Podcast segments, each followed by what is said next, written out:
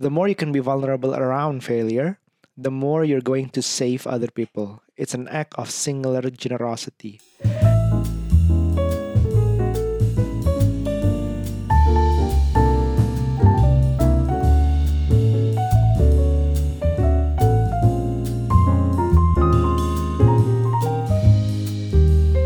Halo semuanya. Hai teman-teman, apa kabar? Baik, semoga baik-baik juga deh. Kok kita, kok, kok kita, aku nggak ada gunanya sebenarnya nanya apa kabar ya. Sebenarnya ini emang? satu arah kan. oh iya benar-benar. ya kita langsung kasih tahu aja kabar kita baik-baik saja gitu ya. Iya masih baik. Nggak juga sih. Nggak, Jadi kalau kalau aku eh, cerita bahwa dari yang episode kemarin yang kita cerita lagi road trip Ah, ah. itu sebenarnya eh, membuahkan sebuah oleh-oleh yaitu aku jatuh Iya nih. dari trip tersebut yang Iya satu-satunya downside dari trip Ya, kemarin itu adalah- sebenarnya jatuh. Jadi cerita jatuhnya gimana?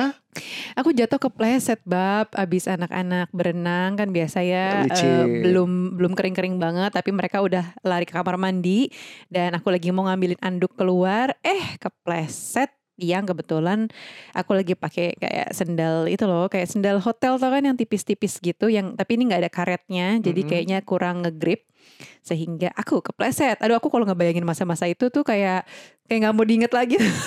Iya jadi kalau tiba-tiba eh, ada kayak gempa gedung gitu sekali jatuh. Terus aku lagi nggak ngeliat kan, kamu datang dari belakang padahal kamu mau nyamperin aku kan di Iya. kamar. Terus gara-gara licin itu jatuh terus langsung tiduran. Tiduran gimana rasanya? Iya, pas aku tiduran, ra- terus aku black out. Ya udah deh, pokoknya terus kata Arya udah nggak usah di browsing itu gimana itu apa.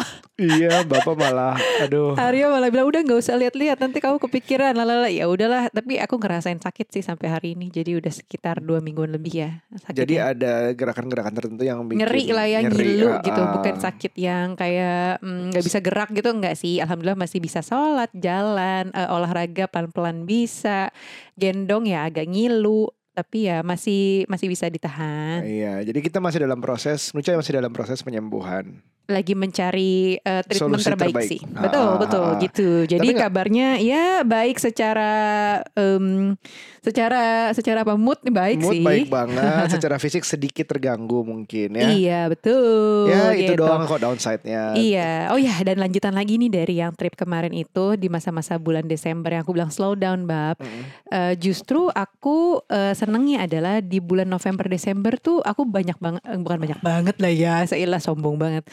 Aku banyak membaca buku. Banyaknya aku tuh lebih dari dua aja udah banyak loh.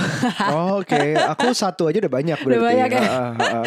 aku tuh kayaknya ada deh sekitar hmm, dalam satu bulan kemarin kayaknya ya dalam dua bulan sorry November Desember mungkin sekitar lima enam buku. Ah, ah. Dan sekarang nih di awal Januari aku udah mau buku kedua gitu. Berarti Buku-buku apa aja yang dibaca?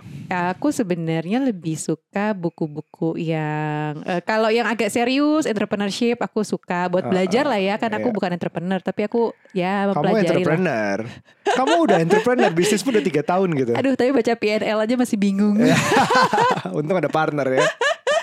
Terus eh, apa namanya sama buku-buku kayak content marketing aku suka. Hmm. sama buku-buku self development atau self help gitu. Mm-mm, aku suka tuh yang kayak gitu-gitu. Jadi eh, lagi banyak buku, baca buku. Dan terakhir nih di awal Desember eh di awal Januari ini aku baru selesai baca satu buku nama judulnya Philosophy. Jadi bukan filosofi ya, tapi fail, fail gagal, Iya, gagal. philosophy Ah, gitu ya. terus terus. Jadi ini buku juga yang uh, fresh from the oven alias baru tahun 2020 selama pandemi dibuat. Uh, penulisnya tuh uh, perempuan namanya Elizabeth Day. Dia Hmm. ini adalah podcaster. Jadi dia udah punya podcast dan uh, apa namanya? Dia menginterview orang-orang yang inspiring yang punya kegagalan dalam hidup. Setiap orang sih sebenarnya punya kegagalan ya. Ah, ah. tapi jadi podcastnya adalah menceritakan kegagalan-kegagalan Iya. orang-orang ini. Ah, ah. dan di buku ini menariknya sebenarnya ini bukan buku paling ter the best terbaik yang aku baca sih nggak juga ya. Cuman karena ini buku awal tahun dan kayaknya eh, cukup menginspirasi bahwa kegagalan tuh bisa dilihat sebagai sebuah apa ya pembelajaran gitu loh. Kalau kita mau bener-bener melihat dan mendengar. Orang kadang-kadang benci gak sih sama kegagalan gue sebel banget deh. Gue misalnya nih gue kalah apa, gue nggak menang ini, gue gagal nggak dapetin itu misalnya. Pastilah karena uh, menurutku dari kecil aja kita udah di encourage untuk sukses, untuk menang, untuk berhasil gitu. Jadi Hmm. kayak apalagi sistem sekolah kan juga zaman dulu kan ranking kan ke mana-mana ya. kompetisi. Jadi kalau lo gagal ya lo harus lebih baik lagi berikutnya lo harus ini harus menang. Seolah-olah tuh menang tuh keberhasilan tuh yang adalah sesuatu yang positif dan kegagalan adalah sesuatu yang negatif. Iya. Men- menurut kamu sendiri kegagalan tuh apa sih bab? Failure tuh apa menurut kamu? Kegagalan adalah kesuksesan yang tertunda. Ada aku Kamu aku malas banget dengerin. Tulisan-tulisan di truk gitu bab apa di angkot ya nggak Oh, sih? nggak segitunya juga. ya, nggak ya, ya. Jadi aku ngelihatnya em, yang lucu pengalaman kemarin kan waktu aku diplomat sukses challenge kemarin, Hmm, aku bilangnya aku adalah mentor di sini yang paling banyak gagal. Hmm. Aku udah nutup Kamu yang banyak gagal. Serius, aku Oke. aku perkenalkan diri seperti itu. Bukan ya Mhm. mungkin maksudnya biar agak sedikit cair suasananya agak Mhm. sedikit lucu. Tapi memang aku ngomongnya fakta bahwa eh, satu perusahaan udah aku tutup untuk urusan kargo. Hmm. Satu perusahaan lagi untuk coworking space pernah aku tutup juga. Itu karena Mhm. gagal dua-duanya. Yang satu karena nggak dapat kliennya dilanjutkan, yang satu karena ya nggak profit lama-lama gitu. Terus Oke, terus di dunia pribadi juga ada kegagalan seperti kegagalan hidup apa aja? gagalan cerai, eh gagal Ah. gagal nik- gagal menjalankan meneruskan pernikahan. Aha. Uh, Satu. Oh dari dari kecil juga banyak nih. Ada ada pokoknya kalau kalau kita mundur banyak nih misalnya kita ngerasa uh, Hmm. Kalau nggak tiga aja deh. Jadi aku ceritanya jadi Elizabeth Day ini. Oke, oke. Tiga kegagalan kamu dalam hidup tuh apa? Eh, nutup dua bisnis, Oke. se- eh, cerai Ah, itu udah pernah diceritain kan di podcast ini. Jadi Ah, nggak cerita. Aku ah. mau cerita sesuatu yang lebih agak ringan aja, lebih lucu dulu. ah. Jadi untuk masuk SD ke SMP Mhm. zaman dulu itu Mhm. setahun berapa ya? 2000 94 kalau nggak salah 94 95 masuk SD ke SMP kalau nggak salah ya Hmm. Em, itu aku SD-nya adalah di SD Katolik Hmm. untuk masuk pengen ngejar beberapa SMA eh, swasta waktu itu kejarannya adalah lab school dan tarakanita Aha. Terus? ada tesnya Aha. aku ditolak dua-duanya ditolak dua-duanya maksudnya bener-bener em, sampai kalau nggak salah lab school itu ada gelombang-gelombangnya jadi gelombang satu diumumin berapa yang keterima Hmm. dulu kalau ada yang mundur nggak jadi atau apa gelombang dua aku sampai gelombang tiga nggak ada namaku itu di, itu di lab school dan, dan Tar- Tarki juga kalau waktu itu ada Tarki Romangun ada Ah, Tarki tahu tahu Romangun aku ya. sebelah ha. Arion kan. Iya, itu juga aku gagal, nggak dapet. Terus em, pokoknya ibuku panik. Merasanya sekolah di mana nih, sekolah di mana nih nggak dapet sekolah, nggak dapet SMP segala macam. Mau masuk negeri juga, apa kita bayar aja ya gitu. nyogok nyogok. Pikiran, pikirannya udah ke situ, pikirannya benar-benar udah ke situ. Jadi em, itu lucu banget. Terus akhirnya em, aku daftarnya dicoba ke Al Azhar, Al Azhar tapi Jaka Permai Be- Bekasi. Nah, hmm. Eh, daftar Al Azhar, em, tesnya cuma dua, apa? matematik dan baca Quran. Terus lulus. Di saat itu aku belum bisa baca Quran tuh anak SD tuh belum belum bisa baca Quran. Terus uh, ada sampai akhirnya minta saudara uh, kakak, kakak sepupu ajarin, lesin. uh, ujung-ujungnya cuma kayak ngafal halamannya. Jadi dua tiga halaman utama uh, pertama di Al-Quran aku hafalin yang pertama ada Al-Fatihah segala macam sama Al-Baqarah aku hafalin sampai dua tiga halaman. Jadi bukan belajar baca karena waktunya singkat banget daripada uh, alif batasa dulu ikro langsung ke itu. Dan tahu nggak apa? hasilnya? Aku diterima dengan angka paling tinggi. Oh wow, Yoi, canggih dong. diterima dengan angka paling tinggi dari dua itu. Mungkin entah kenapa karena terpukul yang gak diterima di dua SMA pilihan harus Hmm. belajar lebih keras lagi atau Azhar Jaka Permen nggak ada persaingan nggak tahu deh pokoknya gitu hasilnya udah jadi aku sekolah di Bekasi oh gitu. gitu ceritanya itu kegagalan paling signifikan pertama yang aku inget sih sampai sekarang Oke, jadi secara bisnis ada, tadi menutup dua bisnis, Ah, terus yang satu edukasi kegagalan Oh, percintaan, percintaan, ya kan, ah. sama kegagalan edukasi waktu Betul. masih kecil itu ya. uh, Apa yang kamu dapat atau apa sih yang kamu em, apa namanya apa learnings dari situ? Jadi gini Elizabeth, aku kayak ditanya sama pengarang Kamu buku tahu ini. gak sih Elizabeth ini adalah nama samaranku ya zaman dulu kalau aku lagi ini jadi ke mana-mana. Jadi pas dulu kalau aku suka eh, ke kita malam mingguan clubbing sama teman-teman terus ada yang ngajakin Oh. kenalan namanya siapa gue suka kasih nama namanya Elizabeth. Oh, jangan-jangan buku ini kamu bilang bagus gara-gara itu, Bukan relate. aku yang bikin ya. Mungkin jadi, bisa jadi. Jadi kamu manggil aku Elizabeth aku jadi inget. Oke, Elizabeth Terus, gini. terus. Um, learningsnya sih aku nggak begitu inget waktu yang pertama kali ya. Yang Hmm. jelas sih kayak uh, aku kayaknya bikin kecewa orang tuaku gitu. Dua sekolah yang mereka aku nggak tahu kan SMP yang bagus apa yang aku dengar ya udah ikut orang tua aja Iya menurut sih. mereka yang bagus itu SMP gitu loh. Kita nggak ngomongin kuliah apa apa SMP ya udah ikut aja. Terus kayaknya mereka kecewa banget. Aku yang agak agak sedih juga sih bikin kecewa orang tua. Anjir anak SM, SD ke SMP udah bikin kecewa orang tua. Ya udah akhirnya belajar banget sampai apa pun yang mereka suruh les sama siapa ya itu aja. Itu kegagalan yang kayak um, Iya kenapa gue bisa gagal ya? Apa gue? Aku nggak inget sih kenapa persisnya aku tes itu nggak ada yang berhasil gitu. Mhm. Am I that that dumb atau, atau kenapa ya gue waktu itu ya? Kayaknya wah ya udah itu ya akhirnya itu yang aku inget sih. Cuman kalau misalnya makin dewasa lagi uh, akhir-akhir ini aku nggak ada penyesalan sama sekali menutup dua bisnis yang ada itu karena there are there are, there are reasons that those businesses are not belong to me. Jadi maksudnya bukan udah nggak rezekinya, udah kerasa uh, beda vibe-nya dari awal sampai sekarang gitu. Dan yang paling terakhir kegagalan dari pernikahan Mhm. itu malah aku bersyukur. Gitu. Oh, play, oh yang kamu dapat adalah kamu bersyukur karena Karena aku gak akan ketemu kamu dan gak dapat air Rashua. Iya sih. Itu itu memang maksudnya kalau aku ketemu kamu sebelum pernikahan pertamaku, menurutku nggak akan jadinya belum tentu akan seperti ini. Tapi learnings dalam hal diri kamu tuh jadi apa gitu? Em, aku kalau yang mungkin yang paling recent nih paling kerasa ya dari Ap- dari hmm. segi yang em, yang pernikahan itulah misalnya Hmm. gagal pernikahannya bahwa bahwa aku ngerasa nggak nggak nggak eh, lebih ya lebih bisa menahan emosi lebih meni- lihat bahwa ini nggak semuanya perlu diberantemin nggak semuanya perlu eh, egoku dikedepankan. Yang kayak gitu kayak gitu tuh kayak em, sama kamu tuh kayak ya udahlah Nucha maunya itu nggak merugikan sebenarnya. Cuman cuman misalnya gua agak nggak suka tapi lihat aja dulu deh gitu. Lihat aja dulu hasilnya. Kadang-kadang beberapa kali memang ya udah emang itu nggak pantas diberantemkan. Jadi kadang-kadang i- impulsivitas apa ya istilahnya ya kebiasaanku yang impulsif marah impulsif bereaksi akan sesuatu eh, itu ya jadi pembelajaran buat aku bahwa bisa ngelihat sesuatu di bigger picture, eagle eye bahwa in the long term it's better. Mungkin kalau di didiemin dulu it's okay. Mungkin dia benar, mungkin ini, mungkin itu. Jadi kayak take a step back, take a breather,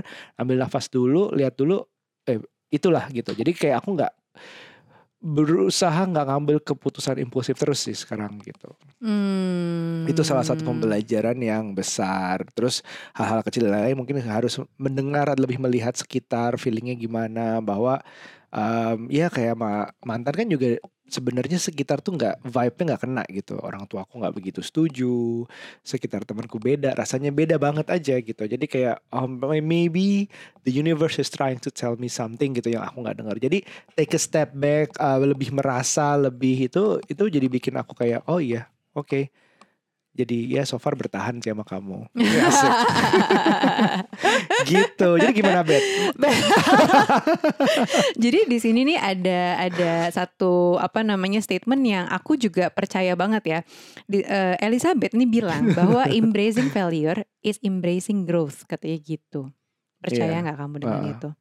Jadi bagian aku embracingnya justru udah kayak aku tahu kekuranganku, kegagalanku, bajuin aja duluan ke depan. Jadi kayak di Diplomat Sukses Challenge kemarin aku ngomongin tentang gue adalah yang paling sering gagal. Terus kalau aku da- zaman kecil tuh suka kadang-kadang nggak sering sih ya, kadang-kadang dibully being black, Mhm, oh, hitam mhm. warna kulitnya lebih gelap sama being short. eh, itu suka dibully. Tapi sekarang tuh kayak aku aku jadiin joke. Jadi joke nge- ngetawain diri sendiri malah lebih menyenangkan. Jadi kayak aku embracing kekuranganku, embracing kegagalanku gitu. Kalau bercanda soal koma yang udah tutup, itu juga jadi seneng banget sih. Jadi kayak ya udah udah gak apa-apa banget gitu. um, ngomong ngomong public speaking waktu itu sama gadgetin sama Wisnu Kumoro aku juga mulai dengan siapa di sini yang udah yang masih single? Siapa yang punya pacar? Siapa yang udah nikah? Siapa yang udah cerai? Nggak ada gitu. Jadi jadi jadi bercanda. Jadi sesuatu yang kayak lebih meringankan keadaan. I, you know me I know you gitu gitu Benar benar benar benar benar. Di buku ini juga dijelasin sih bahwa dengan kita membawanya itu dengan lucu, dengan kita sering bercerita ke Hmm. orang tentang kegagalan kita, justru tuh bikin eh, bebannya tuh berkurang katanya gitu Iya. daripada kita misalnya eh, punya kegagalan nih terus kayak ke bawah terus di Iya. emosi kita gitu ya kita akan fokusnya ke situ justru tapi kalau misalnya kita coba normalize untuk Hmm. share ke teman share ke orang kayak eh, si Elizabethnya ini ini Iya. tuh dia coba coba eh, awalnya bikin podcast karena eh, apa failure dia banyak jadi kayak dia mencoba IVF dua kali apa tiga kali gagal. Hmm. terus pernikahannya akhirnya gagal. Terus dia gagal apa lagi dan lain-lain. Itu tuh dia mencoba ceritain di podcast. Kayak kita gini loh. Iya. itu justru kita berbagi eh, kegagalan kita mendengarkan ke orang lain. Sehingga orang lain tuh ngerasa oh gue tuh ada temennya gue nggak sendiri. Jadi tuh Bagus. banyak sekali ngebangun ikatan dengan orang. Jadi Bagus. kalau misalnya di sini teman-teman juga merasa punya kegagalan coba deh mulai di share kasih tahu juga ke orang lain. Entah di sosial media terserah ya sosial media teman sendiri atau dengan sering ngomongin tuh kita sebenarnya mengurangi beban di pikiran kita sendiri sih tentang eh, kegagalan diri jadi di selain kita. nolong orang nolong diri sendiri Iya. gitu jadi, kayak self help untuk diri kita Eh, ba- bagus sih itu, cuman maksudnya aku pengen menekankan juga bahwa timingnya juga harus benar gitu. Jadi jangan di saat kita belum menyelesaikan masalah, misalnya aku Mhm, lagi, mhm, mungkin mhm. zaman itu dulu aku baru pisah rumah, belum cerai, belum selesai masalahnya, belum ada closure. Tapi aku udah cerita ke mana-mana gitu, udah minta bantuan A, B, C segala macam, justru bisa jadi potensi makin keberantakan juga ada gitu. Hmm. Jadi memang kegagalan itu perlu di set closure-nya bahwa benar-benar udah gagal Iya. gitu loh. Jadi nggak usah gengsi untuk cerita lo gagal gitu kan nggak apa-apa, iya. Tapi maksudnya sesudah keadaannya benar-benar udah Membaik. selesai, Iya, iya, iya, iya. Eh, bukan di saat keadaannya belum pasti gagal, tapi diceritain ke semua orang dia apa-apain. Jadi akibatnya bisa malah lebih parah gitu. Jadi ya nanti sesudah itu ada waktunya mungkin make sense, make sense gak sih? Ya make sense, make sense. mm-mm. Cuman kan gini di di mungkin society kita tuh sekarang eh, masih banyak yang menganggap bahwa kegagalan itu kalau di share di sosial media itu seolah-olah lo aib banget, tabu Benar, banget gitu benar. kan, negatif, eh, menceritakan hal yang kayak Iya. gitu gitu kan. Eh, ternyata tapi sebenarnya efeknya tuh bagus diri kita bagus buat orang-orang yang ngerasa aduh kayaknya eh, yang punya cerita itu cuman gue doang deh yang ngerasa itu cuman kita doang Hmm. kayak say gini kita menceritakan failure kita waktu TTC Itu sih betul. ya kan kita kita berusaha punya anak tapi gagal eh, ke sana kemari yang akhirnya begitu kita udah agak move on mungkin Hmm. karena udah hamil akhirnya terus kamu cerita ternyata sambutannya kan bagus banget ya ternyata orang Iya. banyak yang ngerasa kayak gitu jadi eh, kita normalize untuk membuka apa ya kita vulnerability. ya Mm-mm. vulnerability kita ke orang lain yang mungkin orang kadang yang sekarang latih sosial media semuanya sempurna, semuanya Iya. bagus gitu Heeh. kan. Padahal sebenarnya dengan ngebuka kekurangan kita, kelemahan kita sebenarnya nggak apa-apa Iya. juga gitu loh. Tapi tone-nya jangan sampai seolah-olah minta dikasihanin ya. Jangan jual derita, Beb. Jangan jual derita, Mm-mm. jangan kayak gue minta eh, dimengerti karena gue pernah gagal, bukan itu. Mhm. Jadi selesai dengan masalahnya sendiri dulu, dengan kegagalan udah selesai, embrace it bahwa gue gagal, oke, pelajarannya bla bla bla bla bla bla. Habis itu share dengan tujuan adalah eh, releasing juga satu, tapi juga berharap ada orang yang mengerti bahwa eh ada orang yang denger itu juga terbantu misalnya, atau at least ada yang merasa sama bahwa oh ada yang relate sama gue, ada yang nyentuh gitu segala macam. Bukan untuk tujuan jual derita sih. Hmm, tetap ya jual derita eh, sebaiknya tidak dilakukan. uh, terus jangan sampai ada piti piti buying gitu, bikin oh Piti baik apa sih? Jadi uh, ada yang istilahnya tuh kayak uh, beli barang karena kasihan sama orangnya gitu. Oh, Ya jual derita sih Iya, sebenarnya. iya, iya, Cuman iya. kan kayak ada kayak um, beli ini dong saya udah saya kehilangan pekerjaan beli produk saya ini gini-gini. Ka- kita mau ngebantu orang tapi Hmm. kalau misalnya dia men- beli menjual barang karena ada alasan itu kan barangnya kalah purpose-nya gitu.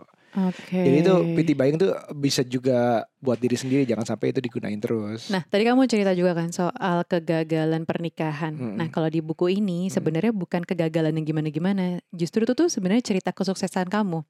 Menurut Elizabeth, Ah, itu juga nih di eh, buku ini menariknya adalah eh, kalau relationship itu berakhir, itu sebenarnya eh, adalah kesuksesan gitu karena eh, lo berarti mempelajari sesuatu setiap kali kita gagal itu pasti ada learnings yang kita dapat ada sesuatu yang kita ekstrak yang sebenarnya membuat kita lebih baik jadi dengan kamu selesai dengan hubungan sebelumnya kamu tuh punya sesuatu yang eh, bikin kamu grow menurut aku win aku dua di situ.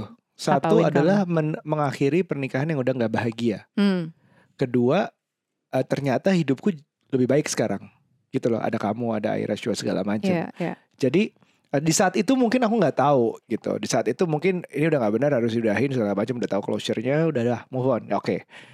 Aku nggak tahu aku akan dapat apa kan. Cuman setelah dilihat sekarang, sebenarnya win-nya menang, menangnya banyak gitu. Di saat eh, keputusan itu diambil, makanya aku nggak ada nggak ada regretnya sama, ya nggak ada regretnya sama sekali keputusan itu gitu.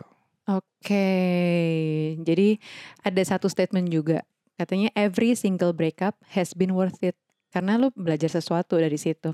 Tapi kadang-kadang Hmm. kalau pada saat kita baru putus rasanya Pasti tuh kayak berat. pasti berat banget kita nggak akan ngerasa itu worth it sih Iya, kadang-kadang iya. Kalau yang putus nyambung gimana? Coba silakan. yang sering banget putus nyambung gimana? worth it nggak worth it berarti worth it nggak worth it, worth it nggak worth it, worth it nggak worth it. gitu. Jadi eh, menurut dia apa namanya setiap saat tuh kita bisa dengar kayak orang kamu dengar pernah dengar kan yang namanya mm, people change orang tuh Hmm. berubah. Hmm. Jadi dengan relationship itu kita putus atau misalnya kita nyambung lagi, itu sebenarnya ada sesuatu yang baru dari kita karena kita tuh berubah gitu. Paham, iya. Dan we grow. Kalau emang kita ada perubahan lebih baik ya. Tapi kalau misalnya kayak nggak ada perubahan lebih baik ya mungkin I don't know apakah itu grow atau enggak gitu. Dan di sini menariknya ngejelasin juga ya di buku ini soal em, apa there's no such thing as a future you gitu. Hmm. Jadi kayak misalnya tahun baru gitu kadang-kadang kita selalu ada resolusi Iya. menjadi gue yang lebih baik gitu kan. Nah, Mm-mm. padahal seolah-olah seolah-olah bahwa eh, misalnya sekarang tanggal 31 Desember, besok tanggal 1 seolah-olah eh, tanggal 1 tuh kita ngeriset diri. Besok nih gue padahal enggak gitu karena semua waktu kan terus berjalan aja. Iya iya iya. iya. Kadang-kadang orang ada banyak kan goalnya ah tahun baru mau ini mau itu gitu. Cuman eh sebenarnya nggak mesti dengan kayak tahun baru, Iya. tanggal baru di 1 Januari, tapi setiap kali kejadian dan di situ ada kegagalan lo tuh tuh sebenarnya lo tuh menjadi diri yang lebih baru setelah itu. Iya memang kalau Gitu. resolusi tahun baru itu kan em, seremonial sebenarnya karena Iya. waktunya semua dijalanin bareng, tanggalnya berubah Mm-mm. itu sebenarnya tapi nggak ada yang berubah dari malam tanggal 31 ke pagi tanggal 3 tanggal 1 itu nggak ada. Jadi aku suka sih itu statement yang bagus bahwa bilang every failure mulainya gitu. Every failure yang terasa failure beneran, gagal besar, lo pasti wants to do something different. Entah Hmm. itu differentnya bisa jadi lebih buruk sih, tapi at least you wanna do something different and you wanna start gitu. Itu itu jadi awal perubahan harusnya memang di situ. Nih, kamu baca deh satu dari sta- apa namanya quotes dari filosofi, filosofer yang kamu ini Ah. yang kamu tadi sebutin kan. Kamu berarti sama bab sama filosofer. Wih deh, oke. The more you can be vulnerable around failure, the more time you're going to save other people. It's an act of singular generosity. Wow, that's good. Al- Alain de Botong. Nggak tahu itu siapa. Iya filosofer. Nanti kita google ya. Oke, nah, sekali lagi ya. The more you can be vulnerable around failure, the more you're going to save other people. It's an act of singular generosity. Bagus banget dia bilang bahwa eh, sebenarnya orang yang kamu bilang tadi bahwa menganggap vulnerability kegagalan itu kekurangan itu adalah aib, tapi kalau kita bisa nyaman bahkan bisa bikin orang belajar dari kegagalan itu bagus banget itu adalah tindakan um, dermawan act of singular generosity justru itu bisa ngasih lebih berguna daripada ngasih materi misalnya ke orang Iya, dengan kita open tentang kekurangan kita dan kelemahan, sebenarnya kita Hmm. tuh lagi nunjukin uh, true strength. Jadi Iya. kekuatan buat orang lain gitu. Kerasa banget sih. uh, jadi kalau dari TTC kita tuh kan salah satu failure yang sekarang udah jadi nggak failure sebenarnya iya ya. karena udah punya anak ah, tapi itu bikin jadi satu kekuatan buat orang lain sih. Orang lain jadi berharap kan soalnya. Berharap dan ada yang berhasil itu itu Iya. itu reward yang bagus yang enak banget kita denger sih waktu itu. Ada beberapa pasangan yang akhirnya saya baca blog Mas terus akhi- Mas dan Mbak terus akhirnya kita bercoba lagi yang udah hampir menyerah terus akhirnya berhasil. Makasih banyak. Oh itu itu merinding banget setiap kali aku dapat cerita kayak gitu sih. Dan itu nggak sekali ada beberapa kali. Hmm. Iya sih, kalau kegagalanku bab eh, Hmm. ya selain yang diceritakan soal nggak jadi kawin dulu ya, Heeh. sebenarnya dulu-dulu juga banyak sih ada kayak nggak yang ke- kegagalan masa kecil yang kamu inget yang belum pernah kamu ceritain eh, masih kecil aku lupa ya kayaknya Oke. persisnya apa. oke Cuman eh, mungkin pada saat remaja kali ya, bukan kecil Hmm. banget. Jadi dulu aku nggak kepilih jadi juara waktu eh, ikutan model kawanku. Uh, oke, Ruca is aku opening cuman up. finalis saja, beb, gitu Oh, kan. Kamu Nggak terpukul di situ. Terpukul banget sih enggak. Jadi itu tapi salah satu failure ya. Oh Karena iya, aku oke, berharap untuk setidaknya menang. Gitu. Entah Hmm. satu, dua, tiga lah. Kamu kalah gitu sama kan. siapa? Ada lah gitu. Cuman aku marah. Nah di situ tuh aku ngerasa kadang-kadang. Padahal kan ada sistem penjurian. Iya. Eh, prosesnya kan panjang untuk sampai kita di karantina, terus kita di interview sama Hmm. juri dan lain-lain. Itu sebenarnya Bap ya. eh, namanya anak SMP. Aku waktu SMP kan. Waktu aku SMP ditanya-tanya kayak gitu, eh, nggak siap dengan pertanyaan-pertanyaan yang lumayan apa tuh ya Bap ya? Eh, ya mengasah kepinteran kayak brand beauty behavior apalah gitu. Hmm, Aku tuh kayak nggak siap ditanya-tanyain kayak gitu. Jadi belum punya pember, pem, apa, pembekalan. bendaharaan Oh, jawaban, jawaban. gitu loh. Cie. Jadi eh, kurang siap lah. Tapi aku belajar dari kegagalan aku nggak menang itu, walaupun aku cuma jadi finalis, nggak menang. Eh, tapi aku belajar jadinya, oh seandainya ya waktu kemarin gue ditanya itu, gue jawabnya ini, kayak gitu. Jadi apa ya? Hmm, bikin aku di di hal lainnya nggak harus yang penjurian gitu, tapi kayak oh, gue selalu punya jawaban untuk setiap kali orang nanya. Hmm, apa pun. Bisa ngeles maksudnya. Enggak sih, cuman berusaha makanya kan Wah, Nuca dari modeling ke jago ngeles. enggak, tapi jadinya tuh gue lebih aware kalau misalnya ada orang nanya, gue harus tahu jawabannya Hmm. apa pun gitu. Walaupun jawabannya kadang-kadang banyak juga yang nggak tahu, cuman jarang lah. Berarti itu itu berguna udah. buat sekarang kamu jadi moderator, jadi Iya. uh, narasumber segala iya, macam tuh ngaruh. tuh ngerubah. Mungkin ya itu mungkin proses untuk grow-nya di situ kali ya. Jadi Iya, aku itu- merasa setiap berarti gue tuh harus siap kalau ditanya gitu Iya, itu kelas nol kamu untuk masuk ke dunia sekarang ini. Itu pertama kali pendidikan kamu berarti. Iya mungkin sih. Aku padahal berharap banget waktu itu paling nggak menang kek apa kek gitu kan. Katanya nggak Iya. menang bang. Ternyata kawanku bukan cuma masalah looks doang ya waktu itu. ya. Kayaknya dulu aku eh, kalau secara looks ya banyak yang cakep lah yang lain. Cuman maksudnya Nggak kalau kalah lah, CPD bang. zaman dulu beb Oh, gitu. toh. Itu tuh salah satunya waktu kecil. Kalau anak kedua ya mungkin kalau yang soal nggak jadi nikah itu sih. Iya, karena pasti banyak banget. em, pertama karena durasi kamu pacarannya, kerasa Mm-mm. banget, udah lama banget.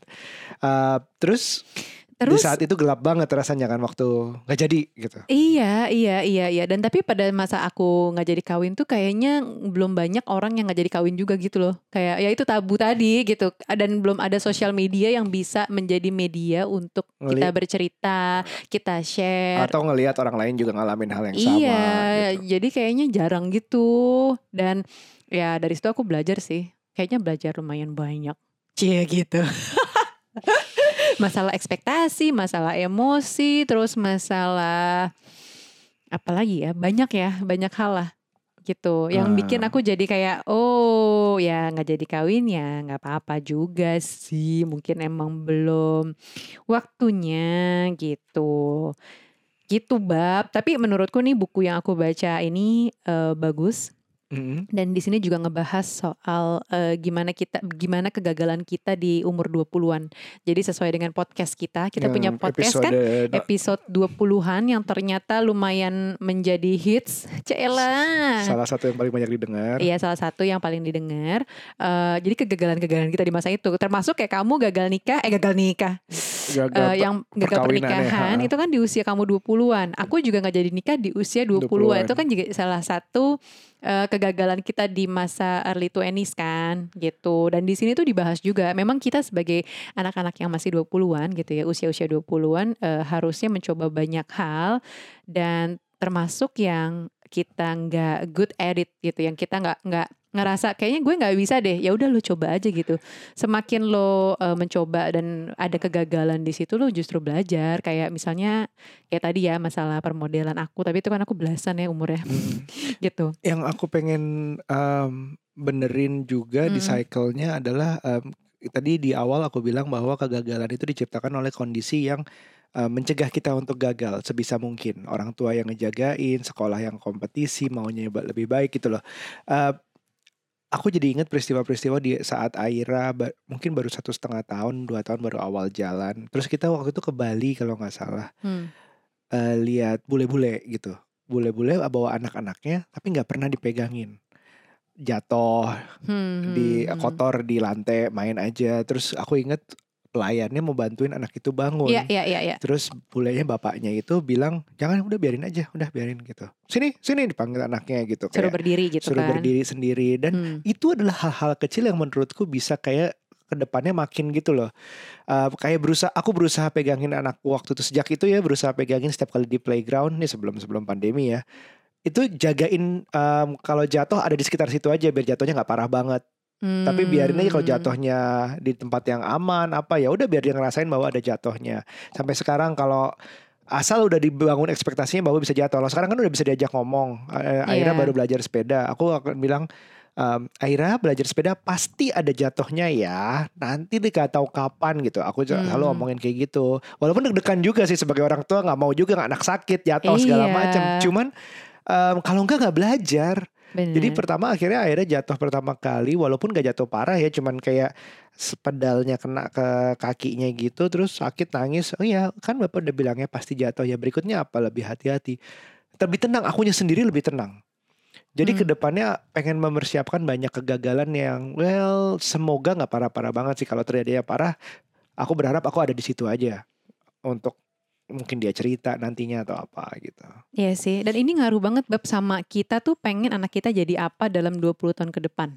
Oke. Jadi kayak misalnya sekarang nih Aira 5 tahun, 20 tahun ke depan kan 25 Betul, tahun ya. uh-uh. Kita bayangin dulu aja, kita pengen anak kita kayak apa. Misalnya yang resilient gitu Mm-mm. kan. Eh, pengennya eh, anak yang mudah adapta- adaptasi, Iya, yang eh, agile, agile, uh, tahan banting dan Iya. lain-lain. Nah, dibalikin ke sekarang nih. Sekarang pada saat dia kecil apalagi golden period, kita tuh memperlakukan dia kayak apa? Kalau misalnya kita masih yang eh nggak boleh jatuh. Eh langsung ditangkap misalnya kayak gitu-gitu, Hmm. itu tuh justru nggak melatih dia siap di 20 tahun ke depan. Iya. Katanya gitu. Jadi ngaruh banget sama eh, apa yang kita lakukan sekarang kan apa buat 20 tahun mendatang gitu. Tapi Mm-mm. jadi kalau misalnya kita mau bayangin ya, anak kita akan jadi apa 20 tahun kemudian, ya mendingan jadi ditarik mundur. Kita tuh bikin list down 20 tahun lagi, anak kita mau kayak apa, 1 2 3 4 menjadi orang yang kayak apa. Disamain aja. Match nggak sama yang kita Iya. lakuin sekarang? Karena kan juga banyak soft skill yang bilang bahwa di ke depannya lo bukan lagi kemampuan mengingat misalnya, kemampuan berhitung, tapi lebih ke arah logika-logika atau kemampuan seperti adapt, eh, Mhm. kemampuan untuk misalnya bisnis berubah, industri berubah, market berubah, langsung adapt ke yang lain. Itu yang kayak gitu kayak gitu. Skill ini udah nggak dibutuhkan, langsung harus bisa cepat belajar yang lain, yang kayak gitu kayak gitu, biar tahu bahwa udah gagal di satu bisa clean slate belajar lagi yang lain gitu. Sukses di Sama sekarang lain. lagi digadang-gadangnya menurutku adalah compassion. Iya. ya kan? Aku sampai nanya ke kamu, sebenarnya apa sih compassion tuh? Aku tahu aja sih, cuman kayaknya semua orang ngomongin compassion. Compassion apa sih, Beb? Iya bahkan um, compassion ya berarti mungkin aku menjelasinnya um, aku tahu tapi ngejelasinnya mungkin agak challenging nih. Ah, Ini kamu nggak bilang dulu dong sebelum rekaman Biar biar, kamu aku browsing ya. nyiapin. Jadi compassion tuh um, kasih sayang sih sebenarnya uh, dengan perasaan. Jadi Empati. empathy, empathy, Hmm. memimpin dengan empathy. Mungkin kayaknya sekarang leadership lebih banyak juga tentang oh oh, oh, lo sakit ya. Oke, lo butuh berapa lama? Bukan dengan zamannya peraturan. Oke, jatah cuti sakit adalah A B C C gitu gitu. Jadi nggak strict dengan rulesnya, tapi dengar dulu apa yang dibutuhkan, apa yang dialami teman-teman karyawan segala macam. Aku juga suka sekolah zaman sekarang tuh lebih banyak kolaborasi daripada kompetisi. Sistem penilaian itu udah mulai berubah bukan cuma 1 sampai 10 atau sampai 100 lebih ke eh, ada ada grup-grup nilainya terus eh, lebih detail lagi mana yang dia bisa develop mana yang enggak gitu-gitu loh Mhm. banyak banget yang kayak nggak ada yang exact ilmu exact bahwa lo bener salah tapi kayak oke jawaban lo apa kenapa bisa menjelaskan kayak gitu kayak gitu tuh lebih penting gitu menurutku sih jadi ke depannya biar gak terlalu memikirkan bahwa kalau salah berarti gue gagal. Padahal Mm-mm. bisa aja kalau gue bukan gue salah, tapi beda perspektif gitu loh. Asal bisa Iya. logikanya jalan menjelaskan kenapa gue berpikir gitu, belum tentu gagal dong, belum tentu salah dong, Iya. gitu. Iya ya, itu kalau kita mungkin zaman dulu taunya benar dan salah, tapi Ah, kalau ah. sekarang jawabannya tuh kayak bisa macam-macam gitu bisa loh. macam-macam. Bukan bukan hitam putih, tapi bisa ya, Mm-mm. tapi lebih ke abu-abu karena semua semua hasil tuh ada penjelasannya gitu gak sih? Iya benar salah tuh juga eh, mendorong orang untuk mencontek juga karena karena kan pas kan jawabannya udah ini fix ya ini. Tapi kan kalau misalnya sesuatu pekerjaan yang terbuka jawabannya seperti presentasi, Hmm. esai atau yang project yang gitu yang bisa benar-benar harus dikerjakan sendiri gitu. Jadi biar tahu gagalnya gagal sendiri. Bener sih. Hmm. Cie, tua, Cielah. tua banget kita lihat. Eh nanti podcast ini dengar 20 tahun lagi kita lihat akhirnya jadi apa ya. Aduh, takutnya ya gitu deh. Karena kita kita, cukup lah. memanjakan. Aduh, pokoknya nanti Iya. kapan-kapan kita bahas lagi deh soal memanjakan anak ini dan hubungannya dengan em, gaya parenting di masa lalu. Iya, jadi silakan bukunya dicari namanya Filosofi oleh Elizabeth Nucha Bahride. Elizabeth Day, bukunya, bukunya gak begitu tebal kok, 150-an halaman ya kamu bilang ya. iya, iya, iya. Ini cepet kok dibacanya. Bukunya kecil 150-an halaman dan gue senang banget Nucha mulai nge- ngebaca banyak buku yang bisa gue share. Berarti gue gak harus baca bukunya. Dan gak harus mikirin konten karena eh, kontennya udah dari buku. Gue Iya. tinggal kayak ngobrol sama Aryo doang. iya betul. Oke, kapan-kapan kita ngobrolin lagi buku lain. Sampai ketemu mungkin di episode berikutnya. Bye. Bye.